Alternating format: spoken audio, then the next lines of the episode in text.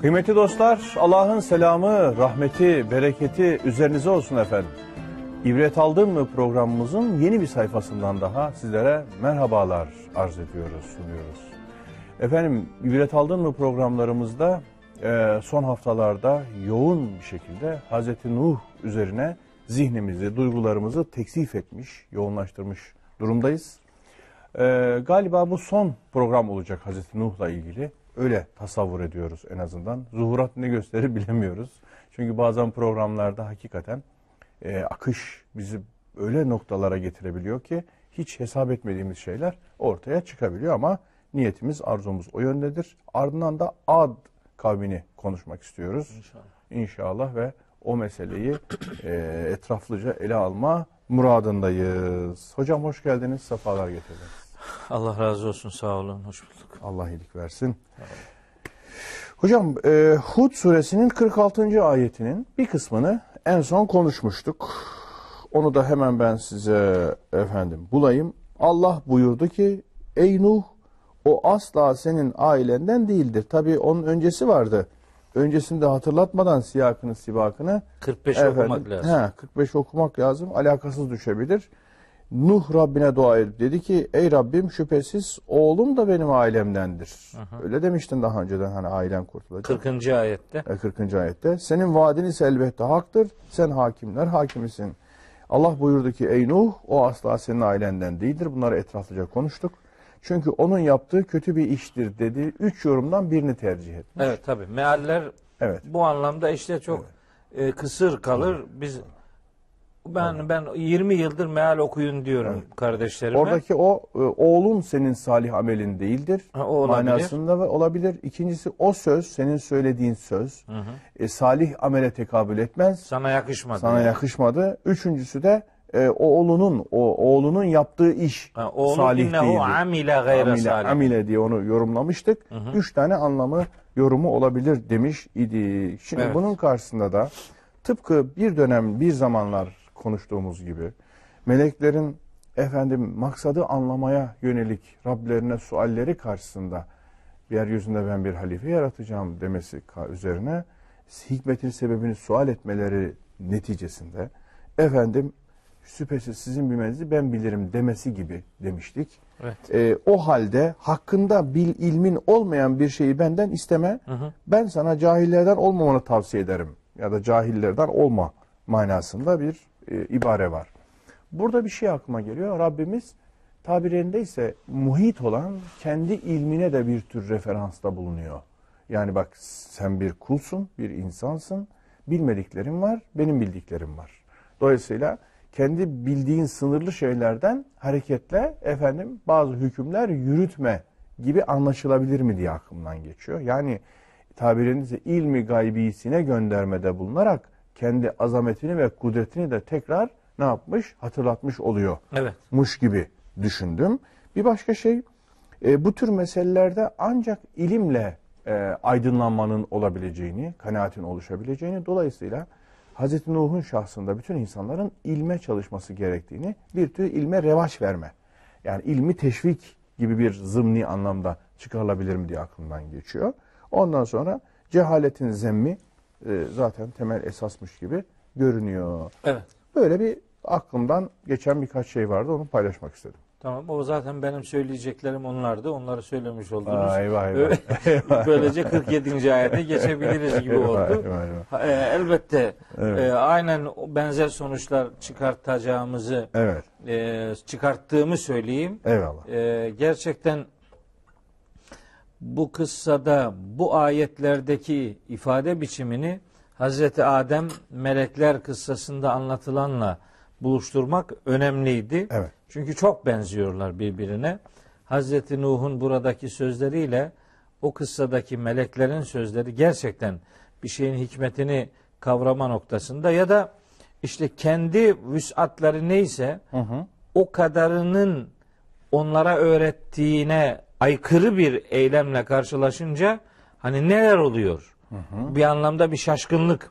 Yani nedir bu işin esası gibi böyle bir isteğin ortaya konulması hani Hazreti Nuh özelinde insani bir duygudur. Neticede onu hepimiz bir çeşit kendi hayatımızda yaşıyoruz. Biz buradan melekler nasıl gaybı bilemiyorlarsa bir insan peygamber bile olsa o da gaybı bilemez. Aslında o da öğretiliyor burada. Yani dediniz ya Allahu Teala kendi ilmine, muhit olan İlmine. ilmine gönderme yapıyor. Evet öyle. Öyle çünkü bunlar neticede gaybi bilgilerdir. Tabii. Eğer gaybi bilgileri Allah açıklamamışsa, Tabii. açmamışsa onu melek de olsa, peygamber de olsa kendiliğinden elbette bilemez. Ona bir göndermenin bu vesileyle yapıldığını ifade edebilelim. Bir de şimdi bir cümle şu. Fela teselni ma leyse leke bihi ilmun. Hakkında bilgin olmayan şeyi yani benden Sual sorgulama etme. yapma. Yani sormadan öte sorgulama yani. Yani bu aslında bu tam da İsra suresinin eee, kaçıncı ayeti? İsra suresinde tam bu noktada bir ayet var onunla örtüşüyor. Enteresan. Orada diyor ki Orada bakın, teselni derken sorgulama olarak değil mi? Oradaki evet. kalıptan da bu manayı. yani sorma Çıkarıyor. yani böyle yani sorma yani sorgulama gibi bir niyetin olmasın. Çünkü bilmiyorsun. Yani bilmiyorsan biliyormuş gibi ya da sahip olduğun bilgiyi yeterli kabul edip de onun üzerinden fikir yürütme Evet. anlamına geliyor. Yoksa soru sorma anlamında, Anlamında bir yasaklama değil. değil. Niye? Çünkü soru sormayan öğrenemez. Ama bilmeden biliyormuş gibi bir şey yani yanlış bir temel üzerinden hareket ederek bir, bir, bir mesafe alamayacaksın. Onu demek istiyor. İşte aynen özür dilerim detaya takılıyor olabilir ama bazen detaylar faydalı oluyor. Oradaki T, T e, harfinin yani böyle bir e, bil, bilmediği halde sorma bir tekellüfü mü ifade ediyor diye aklıma geldi. Mesela biliyorsunuz e, e, müteşair şairmiş gibi davranan demektir. Evet. Ona oradaki kalıba benzer bir yapı mı var? Ha, tefaül babı değil. Tefaül babı mı? Değil, Ha, yok. Hatırladınız Değil. evet. Karşılıklı bir şey değil. Yani sorgulama, soruşturma. O o kalıbın kendisi değil. Onun Arapçadaki işte e, bab kalıbı tefaül babı. O değil bu. O değil tamam. O değil ama buradan şimdi başka ayetlerden biz biliyoruz ki soru sormayı bu ilahi öğreti yasaklamıyor. Tam Hayır, tabii. aksine Hayır, tabii. sorulmasını istiyor. Mesela Duha suresinde ve emmessa ile felâ tenher. Yani bir, biri bir şey sorduğu zaman onu azarlama diyor. Demek ki sorgulanı sorulacak ki öğrenilsin. Ama siz şimdi bir şeyi yanlış biliyorsanız o yanlış bilgiyi kendinizce doğru farz edip onun üzerinden ikinci bir aşamaya geçmeyin demek istiyor. Tabii. Çünkü İsra 36. ayet tam da bu konuda bir hüküm, bir metot öğretiyor. Buyuruyor ki Rabbimiz orada ve la takfu ma leyse leke bihi ilmun. Hakkında bilgin olmayan bir şeyin biliyormuşsun gibi ardına düşme. Eyvallah. Ve la takfu kafa yani önüne düşme yani önde gitme. Biliyormuşsun gibi davranma. Bilmediğin bir şeyde bilmiyorsan Mış bilmeme. gibi, mış gibi yapma. Yapma. Biliyor musun gibi yapma. Tamam. Çünkü inne sem'a vel basara vel fuade küllü ulaike kâne anhu mes'ûlâ. Kulaklarda, gözlerde, gönüllerde kazandıkları eylemlerden sorgulanacaklardır. Bilmiyorsan biliyor musun gibi yapma. Buradaki vurgu budur. Yani Hazreti Nuh belli ki ehil kelimesini Allahü Teala'nın içini doldurduğu gibi algılamıyordu. O biyolojik bağı belki yeterli görüyordu aile tanımı için. Ama Allahü Teala bunun yeterli olmadığını öğretti. Dedi ki ehil olmak biyolojik bağdan ibaret değil, değerlerden beslenmesi lazım. Eğer bir salihat yoksa işin içerisinde, doğru eylemler yoksa bu biyolojik bağ çok da bir anlam ifade etmez.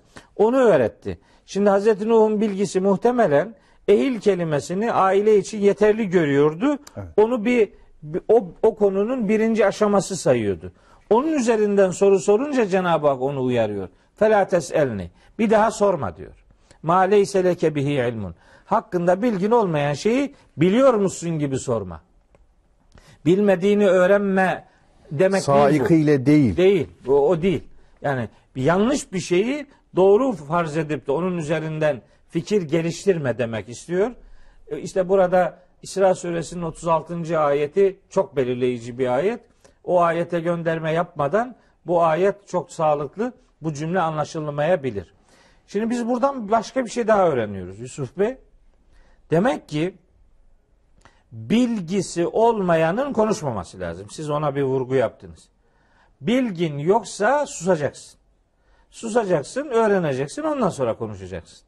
Yani hele mesela bizim gibi insanlar din adına, dini sunum yapanlar, ben bunlara Allah adına konuşanlar diyorum. Evet. Allah adına konuşanlar kılı kırk yararcasına dikkat etmek zorundadırlar. Allah adına konuşuyorsan Allah'ın kitabından konuşacaksın. Allah'ı konuşturacaksın yani. Bu da bilgiyle olur. Evet. Kimse Allah'a din öğretmeye kalkmayacak. Tabii. Allah'ın kitabı referans olacak. O kitabın da bir ayetine sıkışarak değil, o konudaki diğer bütün ayetleri de bilerek bir sunum yapmak lazım. Bilmiyorsanız bilenlere sorun diyor. Feselu ehle zikri in kuntum la ta'lemun. Bilmiyorsanız bilenlere soracaksınız. İşte bizim için zikir ehli olmak demek Kur'an ehli olmak demektir. Zikir Kur'an'ın sıfatlarından bir tanesidir, isimlerinden biridir. Yani dini konularda bir şey bilmeyen adam Kur'an'ı bilene soracak. Ya Kur'an'a soracak, Kur'an'a gidecek ya da Kur'an'ı bilene soracak. E, Bu ikisini de yapmıyorsa işte hata yapar. Evet. Buradaki uyarı hakikati bilmeme noktasında biliyormuş gibi davranmaya yönelik bir sorgulama biçimidir. Yoksa herhangi bir soru sormayı reddeden, engelleyen bir cümle olarak bunu algılamamak lazım. Ba- Başka, Ayetin, ayetin devamındaki o inni e'izuke evet. en tekune minel cahilin oradan da sonuçlar çıkartabiliriz. Yani demek ki bilgiye dayalı olmayan sunumlar bir cehalet örneğidir. Evet. Ancak buradaki cehalet kelimesini Allah'ın herhangi bir emrine, buyruğuna karşı inadına ve ısrarla karşı çıkmak manası verirse bu bir şeytani eylem olur. Çünkü Euzu billahi en ekune minel cahilin. Cehaletten, cahillerden olma noktasında Allah'a sığınmak diye bir öğretisi var Kur'an-ı Kerim'in. Burada da e, istiaze var yine başlangıçta. Evet. Gene istiaze var. E, E'izuke, istiaze değil bu. Ha başka. E, e'i- Sığınma e'izu var ama değil mi? aza, evet. E, inni e'izuke sana nasihat ediyorum. Ha nasihat manasını. Evet. Tamam. Vaaz nasihat değil. manasını. Bu, tamam. Evet. Ve aza ya'izudan geliyor. Tamam. Burada çok önemli bir şey daha var. Ee, kanaatim o ki bir adam peygamber bile olsa bir insan o da nasihate muhtaçtır. İnni e'izuke. Sana nasihat ediyorum diyor Allahu Teala. En tekune minel cahilin. Cahillerden olman konusunda yani seni uyarıyorum. Bir daha böyle bilmediğin bir şeyi biliyormuş gibi hareket etmeyesin diye Hazreti Nuh'u Cenab-ı Hak nasihate konu edinerek bilgilendiriyor. Bilerek konuşmanın önemini, erdemini ortaya koyuyor peygamber üzerine. Ben buradan bütün yaygın anlamlarının dışında bir cehalet tanımı çıkarıyorum. Cehalet nedir? Şimdi cehalet klasik biliyorsunuz okuma yazma bilmeyen insan, işte mektep medrese yüzü görmemiş insan, diploma filan halk arasındaki tanımı budur yaygın. Evet. Ondan sonra cehaletin işte ilmi tanımlarını efendim yaptığımızda bir konudaki efendim bilgi yetersizliği, vukufiyet yetersizliği filan filan. Bunlar da değil. Burada başka bir şey var. Aslında doğrudan doğruya ilmi ilahiye tekabül eden, senin sınırlı cüz'i gör- gördüklerinle, yaşadıklarınla, hissiyatınla ihata edemediğin, ondan sonra bir konuda hüküm yürütme, o konuda bir kanaat sahibi olma ki bunun adı cehalettir. Yani gaybı tırmalama. Anlatabiliyor muyum? Burada çünkü Allah'ın bildiği, Allah işin hikmetini o biliyor. Temel esas sebebini biliyor. Oğlunun neden boğulduğunun gerekçesi indallah. Allah'ın indindedir. Tabii. Fakat o indallah olan şeyi sen ne yapıyorsun? Kendi hissiyatınla, duygularınla, sınırlı bildiklerine, görgülerinle adeta anlamaya, kavramaya, zorlamaya çalışıyorsun. Evet. Bu bir tür cehalettir. Ondan sonra gibi aklıma geliyor. Mesela şeytanın cehaleti de orada aklıma geliyor. Şeytan çok cahildir. Zır cahildir. Neden? E, onu topraktan beni ateşten yarattın dedi. Allah'ın yaratışını tam, yaratışındaki manayı tam kuşatmadığı halde hüküm verdi. Tabii. Hatta o hükmü ısrara dönüştürdü. Onunkisi belki katmerli hani ne derler? Cahili echel mi derler biliyor. Katmerli cehalet. Evet. Ondan sonra derler. Ee, böyle bir Evet. mana. Doğru. Ee, mesela ceha- cahiliye dönemi diyoruz. Evet. Peygamberimizin geldiği dönem. Hoş oradaki cahiliyeden maksat şimdi bizim kullandığımız manada cehalet değil. Onlar öyle gerizekalı adamlar değillerdi. Tabii tabii tabii. Hele ki meseleyi okuma yazmayla filan ilişkilendirmek hiç doğru Hiç değil. değil, tabii. Çünkü insanlık tarihinin edebiyatta zirve yapmış Tabii. insanlarıydı o dönemin Arapları. Ebu Cehil, Ebu Hikem de yani meşhur, meşhur Evet. Hikem. E, Aynen öyle. Buradaki cehalet yani herhangi bir okuma yazma ile ilişkili değil. Vurgusunu yaptığınız gibi e, bilgi değerini ilahi olandan almamaktan kaynaklanan bir yoksunluğa cehalet deniyor. Burada da işte bilmediğin gaybı biliyor musun gibi hareket etmek ve uyarıya rağmen. Şimdi diyor ki Cenab-ı Hak bak uyarıyorum bilmediğin konuda hani böyle bir sorgulama içerisine girme. Bunu bir daha yaparsan işte bu kınanan cahillerden olursun.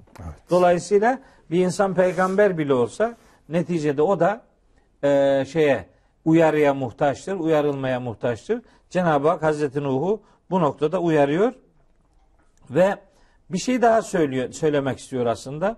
İlahi adalet herkese eşit tecelli eder. Yani bir adam peygamberin oğludur.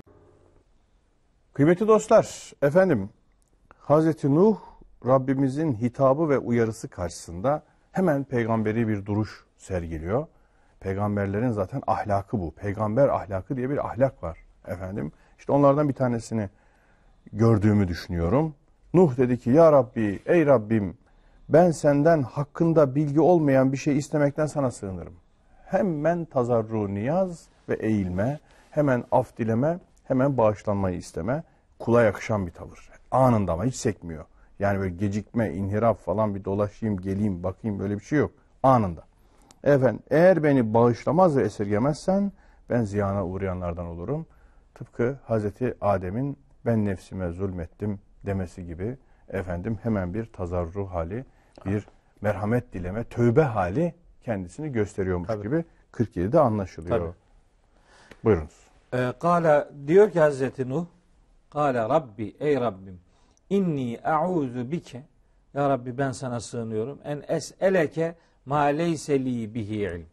Bir daha hakkında doğru bilgim olmayan şeyleri sana biliyormuş gibi soru sormaktan sana sığınıyorum.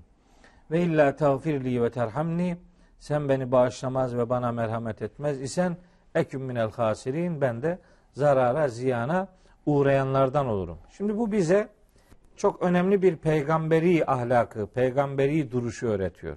Nedir bu? Bir, bir kişi demek ki gerçeği fark edince yanlıştan hemen dönebilmelidir. Evet. Vakit İşte kaybetmeden. Vakit anında. kaybetmeden işte bu Hazreti Nuh kıssasının bu detaylarının verilmesinin sebeplerinden biri bu. Hata, herkes hata yapabilir. Mühim olan hatada ısrar etmemektir. Hatayı, hata olduğunu fark edince hemen dönebilmenin bir erdem olduğunu 47. ayet bize öğretiyor. İki, hakikati doğru dürüst bilinmeyen bir konuda yanlışta ısrar etmemek ahlakını öğretiyor. Şimdi Ali İmran suresinde muttakileri, muhsinleri sayarken Cenab-ı Hak buyuruyor ki velem yusirru mesela muttaki kimdir? Kötülük yapmayan. Hayır öyle bir tanımı yok muttakinin. Muhsin kimdir? İşte hata yapmayan. Hayır öyle bir tanımı da yok bunun. Muttaki de olsa, muhsin de olsa bir adam vellezine idâ faalu fahişeten bir çirkin iş yapabilir. Yapmış olabilir. Ev zalemu yani kendine yazık etmiş olabilir ama zekerullah Allah'ı hatırlarlar bunu yaptıklarında. Festağferu li zunubihim hemen günahlarından bağışlanma dileğinde bulunurlar. Ali İmran suresi 133, 134, 135. ayetler. Orada buyuruyor ki ve men yagfiru zunube illallah. Yani bilirler ki Allah'tan başka günahları kim bağışlayabilir ki? Ve lem yusirru ala ma faalu ve hum ya'lemun. Bile bile yaptıkları hatada ısrar etmezler. İşte muhsin ve muttaki olmanın tanımı budur. Bile bile hatada ısrar etmemek. İşte bu onun örneklerinden bir tanesidir. Hazreti Nuh üzerinden konuştuğumuza göre Nuh suresinde daha önce epeyce program bu 25. program yani bundan bir 5-10 program önce bu kıssanın ilk e, örneklerini okuduğumuz yerde Nuh suresini anlatırken Hazreti Nuh'un kavminin tutumunu e, ifade ederken orada Yüce Allah buyurmuştu ki ve asarru onlar hatada ısrar ettiler. Ve stekberu istikbara. Kibir üzerine kibir ürettiler. Habire kibirlendiler. İşte ona karşılık bir peygamberi duruşta hatadan dönme erdemi ortaya konuluyor ve hatada ısrar etmemek gereği öğretiliyor. Bu 47. ayetin bize öğrettiği hususlardan biri bu. Bir diğeri demek ki peygamber bile bile olsa bir insan işte ilahi bildirim olmadan gaybı bilemez. Bazı hatalı bilgiler, yanlış eksik bilgilere sahip olabilir. Başka bir husus inni a'udu bike. Ya Rabbi sana sığınıyorum. Bir insan peygamber bile olsa demek ki şeytani dürtülerden kendi başına kurtulamayabilir. Tabii. Zaten Kur'an kıraat ettiğin zaman kovulmuş şeytandan Allah'a sığın emri vardı Nahil 98'de. Tabii, tabii, tabii. İza qara'tel Kur'ane festaiz billahi mineşşeytanirracim. Peygamber bile olsa bir insan kendi kararıyla, kendi gücüyle, kendi istidadıyla şeytanın müdahalelerinden kurtulamaz. Onun için mutlaka İstiaze istiaze etmesi. dediğimiz o eylemi gerçekleştirmesi lazım. İnni e'uzu bike ifadesi onun örneklerinden bir tanesidir. Hazreti Nuh onu bize öğretiyor. Ve imma yenzeganneke mineşşeytani nezgun. Şeytandan sana bir vesvese dürtü geldiği zaman festaiz billah. Hemen Allah'a sığın, ondan yardım talebinde bulun. İşte Hazreti Nuh'un yaptığı da neticede bunlardan bir tanesidir. Siz e, çok güzel hatırladınız. Ve illa tağfirli ve terhamni. Yani ya Rabbi sen beni bağışlamaz, bana merhamet etmezsen eküm minel hasirin. Hüsrana uğrayanlardan olurum. Bu bir özür beyanıdır. Bir istiğfardır. İstiğfardan sonra da tevbe aşaması devreye gelecektir. Aynen Hazreti Adem ve eşinin Araf suresi 23. ayette dile getirdikleri özrün hemen hemen aynısıdır. Aynısı, evet. Kala Rabbena zalemna enfusena ve in lem tağfir lena ve terhamna. Lem tağfir lena ve terhamna. Aynı kelimeler Aynı, var. aynı, evet. Ee, lenekûnenne minel hasirin. Orada çoğul olduğu için cümle öyle geldi. Burada da eküm minel hasirin. Zarara, ziyana uğrayanlardan olurum. İşte peygamberi öğretide aynı değerlere sahip olmanın önemli örneklerinden biridir. Dua motifleri bile, dua kelimeleri, dua cümlecikleri, dua niyazları bile aynı değerlerden besleniyor. Bu mesela onun örneklerinden biridir.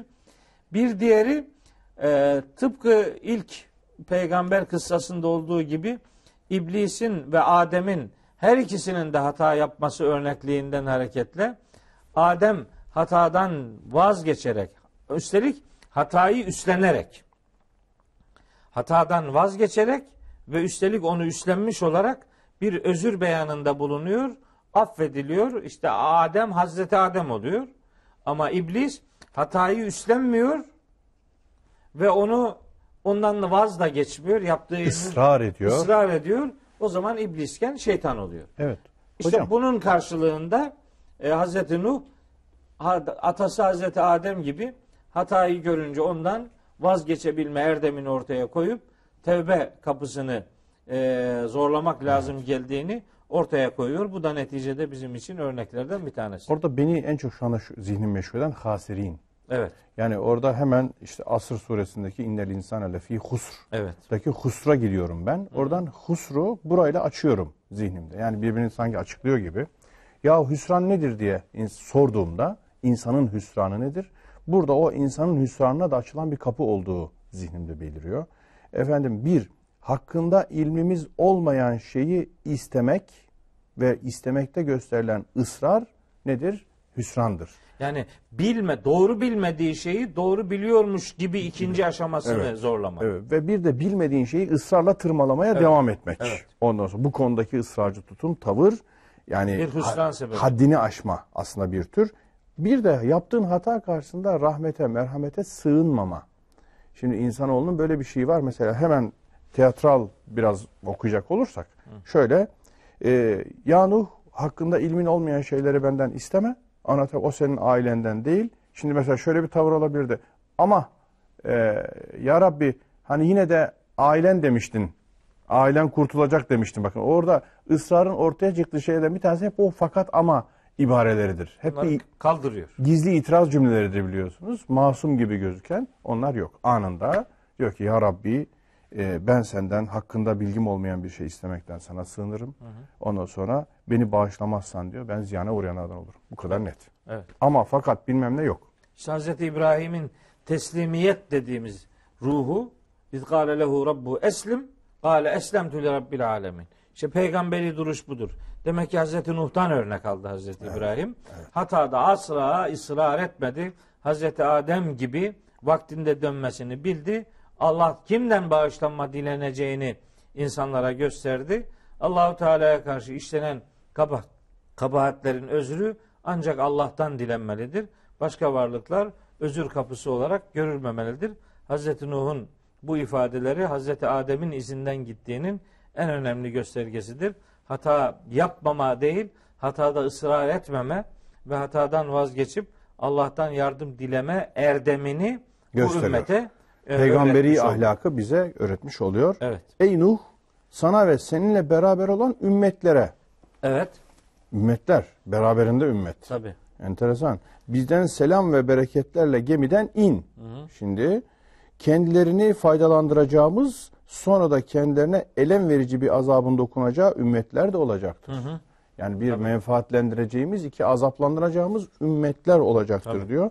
Hazreti Peygamber Nuh'la beraber ümmetlerin zikredilmesi herhalde potansiyel mi kastediyor bilmiyorum. Yani o o gemide olanlar Hı. yani Hazreti Nuh'a itibaren o birinci ümem ve berekatin aleyke ve ala ümemin mimmen ma'ake seninle birlikte olanlardan meydana gelen ümmetler var. Eyvallah. O yani o değerleri, o e, sistemi, o akideyi takip eden insanlar birer ümmet Eyvallah. adını alacak, sıfatını alacak.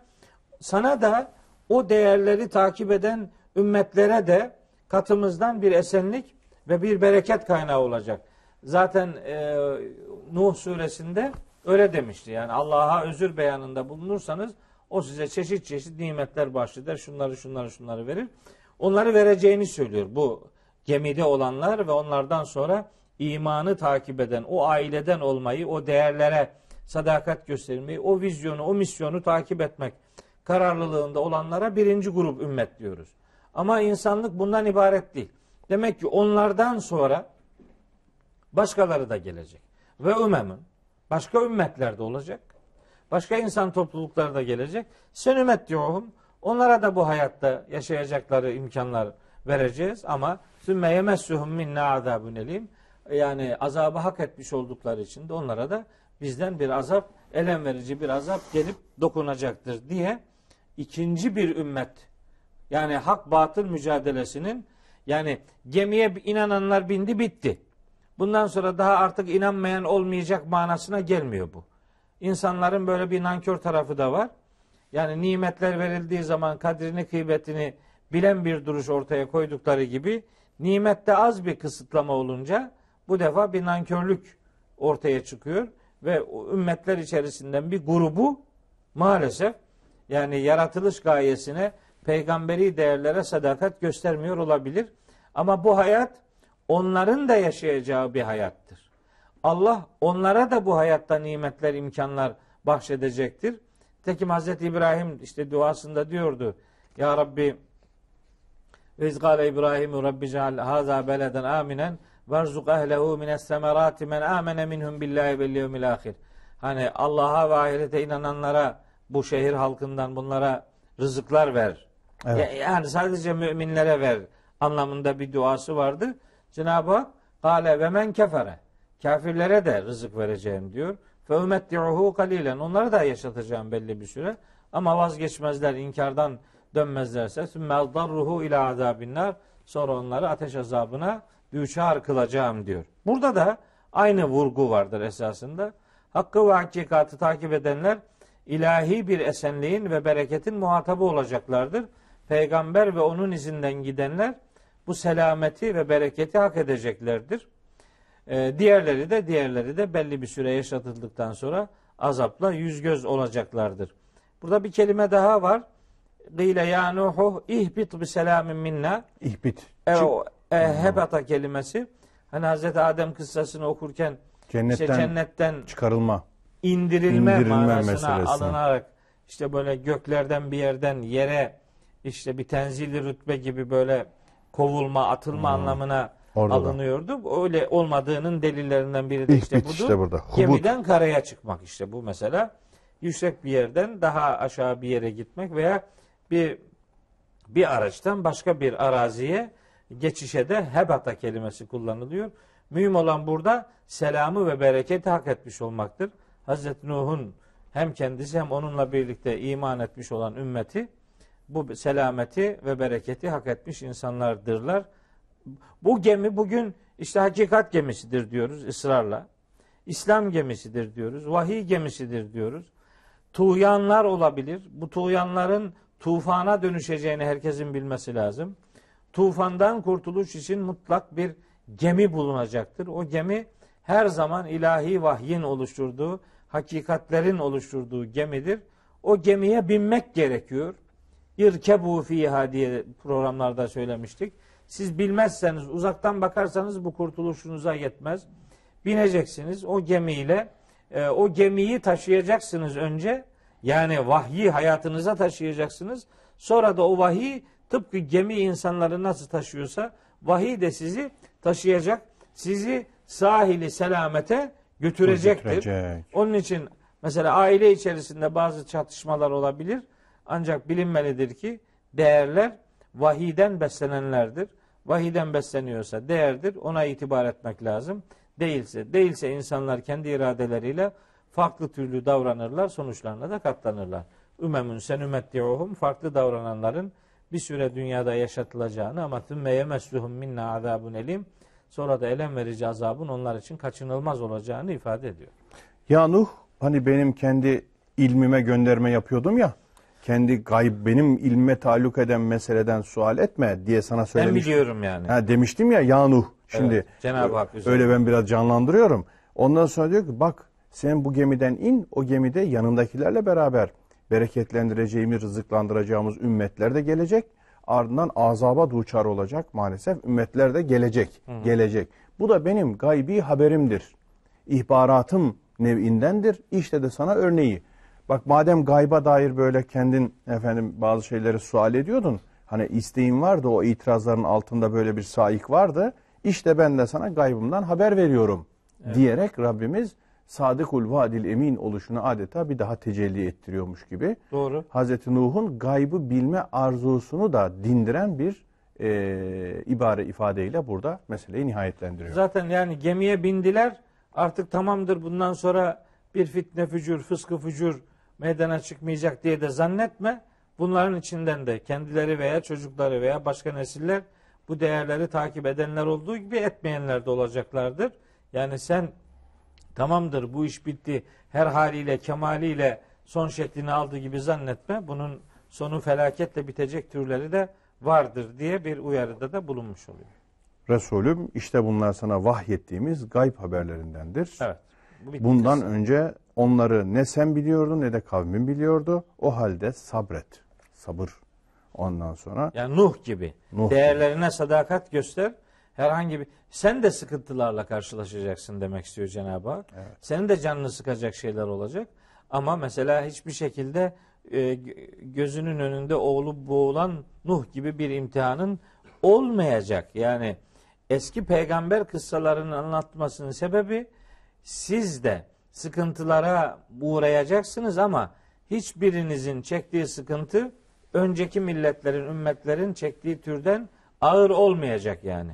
Daha ağırını göstererek hem sıkıntılar meydana gelebilecek onlara karşı hazırlıyor, motive ediyor.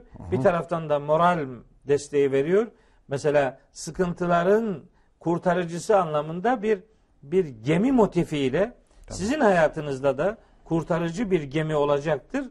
Dolayısıyla yani akıbet muttakilerindir demek sorumluluğunu bilen, doğru dürüst davranış ortaya koyanlar neticede ödülü hak edenler ve kurtuluşu yaşayanlar olacaklardır. Sıkıntılar gelebilir. Allah'tan yana olanların yüzü yere dönmeyecektir manasında bir moral motivasyon cümlesiyle e, 49. ayette bu kıssa bitmiş oluyor. evet bundan önce onları ne sen biliyordun ne de kavmin. Yani senin Bu ve detayıyla kimse Heh, bilmiyordu. kavminin bilmediği şeylerde eğer aceleci davranmazsan, beklersen, sabredersen, sabırı böyle de anlayabiliriz bu anlamda. Bu da e, hayırlı bir akıbeti inşallah netice verecektir diyoruz Evet. ve böylece bir mim koymuş oluyoruz. Evet. Hocam ben çok teşekkür ediyorum. Ben teşekkür ederim. Yani böyle bir maraton koşar gibi efendim koştuk. Evet, iki peygamberin kıssasını Evet. tam 25 program 25, belki daha fazla 26 da olmuş olabilir bilmiyorum. işte yani bir saymak lazım.